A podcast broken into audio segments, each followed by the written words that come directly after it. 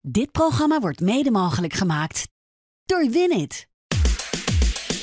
Goeie vrijdag, goeie vrijdag, goeie vrijdag allemaal. Kruip weer dichter bij je speaker voor deze week de laatste maal. Goeie vrijdag, goeie vrijdag, kom eens hier en luister nou. Heb jij ook een vraag voor Evert? Jordi stelt ze namens jou. Op de dag dat Hilversum nog steeds natrilt, kan Matthijs aanblijven.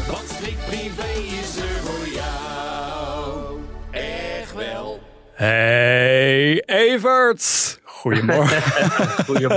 Goedemorgen. Ja, Eversdag is het vandaag. ja, gaan we het... kijkt rijkhalsend uit naar de terugkeer van Edwin Evers op Radio 538. En, Ja. ja, ik ga er ook voor zitten. Ik ben heel benieuwd. En eh, blij dat die weer man weer radio gaat maken. Want ja, net als eh, sommige mensen moeten schrijven en schilderen. En moet hij toch vooral radio maken. Zeker. En hij denkt vandaag op deze dag ook aan jou. Daar ga ik je zo meteen mee verrassen. Maar laten we Oh, toch nou. dan maar eerst even ons verplaatsen naar het Mediapark. Want ik denk dat niemand daar geslapen heeft vannacht. Wat denk jij? Nee, ik denk dat iedereen nog een beetje verdwaasd zit om zich heen zit te kijken van wat was dit nou eigenlijk? Is dit echt gebeurd? En, Ja. en, en wat moeten we ermee? Vooral dat laatste. Want Ja. ja. Nou weten we dat allemaal. En eh, er blijven toch wel heel veel vragen openstaan. Drukte Matthijs nou wel of niet een van de medewerkers tegen de muur? En Ja. dat soort vragen die worden maar niet beantwoord. Ja, door hem dat het niet gebeurd is, maar door anderen weer dat het wel gebeurd is. En Ja. ja, zolang er dat soort onduidelijkheden blijven bestaan, lijkt het mij voor RTL ook erg moeilijk om, om te zeggen wat ze nu zeggen. Van nou joh, niks aan de hand met Matthijs en die heeft zelfreflectie getoond en ervan geleerd en eh, we gaan weer, eh, niet staat de samenwerking in de weg. Ja.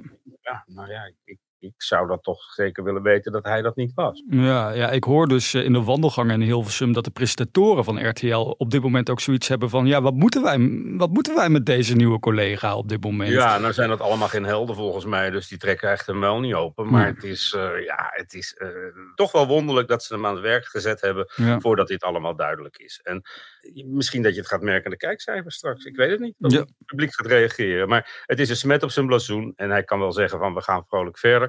En hij wil er een streep onder zetten. Ja, dat kan ik me voorstellen.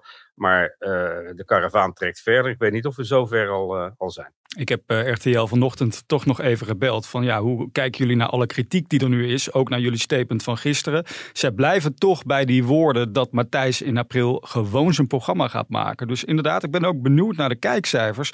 Toch nog even over RTL. Ik Nou, het wordt druk in april. Want dan komt de VPRO ook met de Ja. mededeling over Theo Maassen. Precies. Vond ik ook een beetje een raar fragment gisteravond bij Umberto Tan. Die het dan wel over Theo Maassen gaat hebben zonder de naam Theo Maassen te noemen. Ja. Ik, ik, mensen schieten allemaal in zo'n raar spasme als het over dit soort dingen gaat, volgens mij. Ja. Gewoon man en paard noemen. En als Matthijs iemand tegen de muur gedrukt heeft, dan moet je dat eh, stellen. Ja. En, en niet zo half zacht, en, zodat hij het weer ontkent. En dan niemand zegt, nou hij was het wel degelijk. Ik, ik vind dat raar. Ja. En eh, dat Umberto Tan zich eh, in, in het kamp schaart van, van de mensen die zeggen: ja, Theo Maassen bij zomergasten, ik weet het niet. Dat vind ik op zich wel toe te juichen. Maar verder ver- gebeurt er verdomd weinig. Ja, waar is Theo op dit moment eigenlijk? Vragen we ons ook een beetje af. Hè? Want we horen echt helemaal niks. Zou die zich ergens opgesloten hebben in, in een huis in Eindhoven of zo? Of, Hij ja, heeft meerdere huizen. hè, dus, eh, Lees het verhaal in de privé, eh, mensen.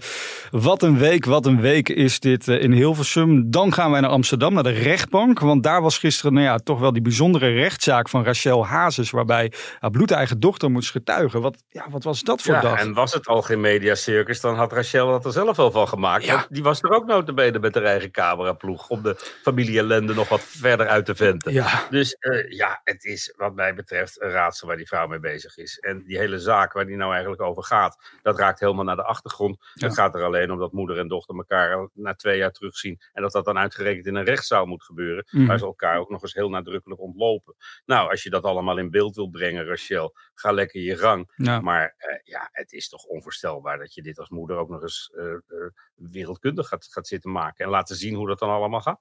En onverantwoord misschien wel van SBS 6 om dat dan uit te zenden. Ik vind dat ergens toch ook wel. Want Ik daar... weet niet of ze al zover zijn, want het zijn proefopnamen nog steeds. Hmm. En eh, ja, zit er genoeg in die serie om daar eh, meerdere afleveringen van te gaan maken. Als je in feite niks anders doet dan de rolluikers morgens omhoog, de koffie serveert, de lunch serveert, de borrelsmiddag en dan de rolluiken weer naar beneden doet. Eh, Ja. Voor mij is het geen televisie om voor thuis te blijven. Ja, je, je vergeet de gecremeerde kroket die ze dan ook nog af en toe Oh ja, natuurlijk. de humor. Daar kan ik er nu wel om lachen ineens. En het broodje beenham hè? Een broodje mankenelis. Het is echt, jongen, van een ordinairigheid. Het is bijna niet te, niet te filmen, maar dat doet ze toch. Ja, toch nog heel even één ding. Want ik hoorde dus gisteren ook voorbij komen dat André Hazes junior eh, een paar weken onterfd is. Dat is toch ook wel opmerkelijk. Dat hij in één keer geen recht meer had op de erfenis van, van André. Hoe zit dat? dat is... Ja, dat, dat soort details. Ja. En, en eh, toen Rachel de manager was, wat zij voor een optreed kreeg, kregen en wat Rachel er zelf aan overhield. Ja. Ja, ik moet ook wel lachen om die Marieke die dat gewoon allemaal maar op straat gooit. In een zaak die notabene gaat over een huurschuld. Het, het- Ja. het zijn allemaal dit. Nou ja, het is, eh, Ja. het is nog lang niet afgelopen in ieder geval. Nou, ik vind het wel even tijd voor wat eh, lucht in deze podcast. Laten we het dan hebben over Edwin Evers. Want vanmiddag om twee uur keert hij terug met, eh, met Evers en Co. Nou, ik was dus gisteren even in het pand van Radio 538. En eh, het is zo grappig, want hij is de drempel nog niet overgestapt. En collega's rennen al op hem af. Want ze zijn allemaal zo blij dat hij weer terug is. En ik snap dat nou, ook ik wel. kan me voorstellen, het is eh, een, een, sensationele radiomaker. Ja, in alle rust. Want het, het- is eigenlijk een. Ja, het is echt Ja. ongelooflijk. En zijn- zijn, zijn portret in de bushokjes. Ik vind het wel weer heel. Het straatbeeld in Nederland is er weer van opgeknapt. terwijl hij daar zelf dus niet zo op zit te wachten. hè. Hij zei ook zo heel nuchter, nou, van mij had die foto niet gehoeven hoor, in die bushokjes. Want ik wil gewoon lekker radio maken.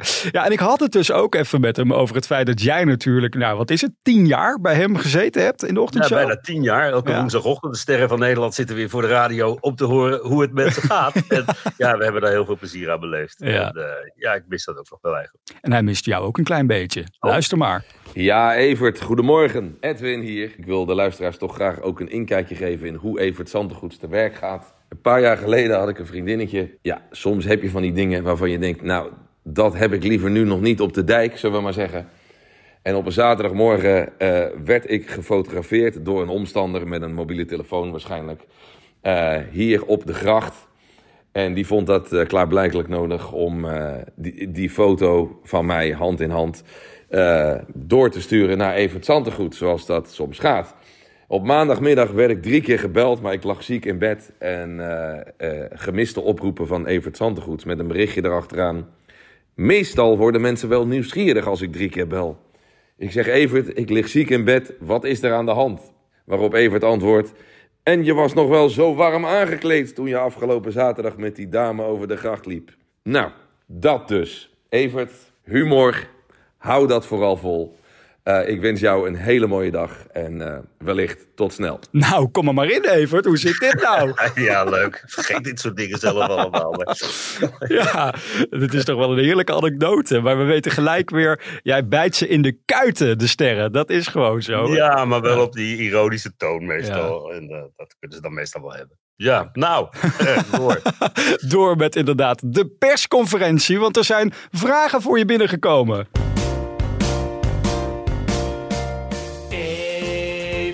Eventjes aan Evert vragen, dat lijkt me echt een goed plan. Een vraag aan de privéman. En de vraag van deze week is van Alexandra. Die vraagt zich namelijk af: wie vind jij nou het leukste lid van ons koninklijk huis? Ja, eigenlijk is dat toch wel Pieter, moet ik zeggen. Oh ja? De, de ondergesneeuwde Pieter van Vollenhoven. Die, eh, ja, dat- ja, zo spontaan reageert, dan is het echt wel, dat, die is, heeft dat allemaal wel goed gedaan. Eh, Ja. eh, heeft veel betekend voor het Koninklijk veel gedaan, veel sympathie gekweekt. Mhm. Was op een gegeven moment wel heel populair als pianist. Louis van Dijk heeft er een heel bijzondere uitspraak over gedaan ooit. Wijle Louis van Dijk. Die speelde met een gevleugelde vrienden altijd met Pieter van Vollenhoven samen. Dat was zo lekker ook, zei hij. Want als je een fout maakte op de vleugel, dacht iedereen toch dat het Pieter was. dus ik vond- Maar hij was, ja, en, en Juliana, die zit ook in mijn hart. Daar heb ik Ah. heel veel reizen meegemaakt, onder andere naar Israël. ja. Dat is wel de generatie die mij het meeste aanspreekt. De, de mensen die heel lang het, het, het gezicht van het Koninklijk Huis bepaald hebben. En Hmm. Juliana was de laatste eh, Ja. moeder des vaderlands, vind ik. Dat was echt een eh, bijzonder mens Ja. met wie ik nog eens door Israël gereisd heb. Lees mijn boek daarover, dat is eh, een mooi verhaal. Kijk, Alexandra heeft de vraag gesteld. Nou, klinkt ook als iemand van het Ja, koninklijk huis. zelfs naar. Willem-Alexandra genoemd natuurlijk. Maar het is, eh, ja, die, die is niet mijn favoriet. Maar, Ja. dat is, wel- Ja, nou ja, ik maar hij denk... doet het wel goed hoor. Zeker. En hij is ook nog eens zoveel jaar getrouwd vandaag. Nou ja, Ongelooflijk. 2 februari, toch? Ja, ja, nou, 22 jaar. Je hebt het ook, ook allemaal goed op een rijtje. En ik denk als je het aan, als je het aan houdt Edwin, me niet gek. als je het aan Edwin Evers had gevraagd, had hij denk ik wel Willem-Alexander gezegd. Want ja, die hebben natuurlijk een bijzondere band door die podcast gekregen Ja, natuurlijk. hè. nou, als Willem-Alexander gewild had dat ik dat ook gezegd had, dan had hij mij moeten vragen voor die podcast. Nou, ik zie wel een deel 2 hoor, als hij 25 jaar. Goed, we gaan het allemaal meemaken. Maandag, Evert, dan gaan wij gewoon weer van Jetje. Dus ik Zo zeg is dat. Tussenin zit een mooi weekend en dat wens ik je ook. tot maandag.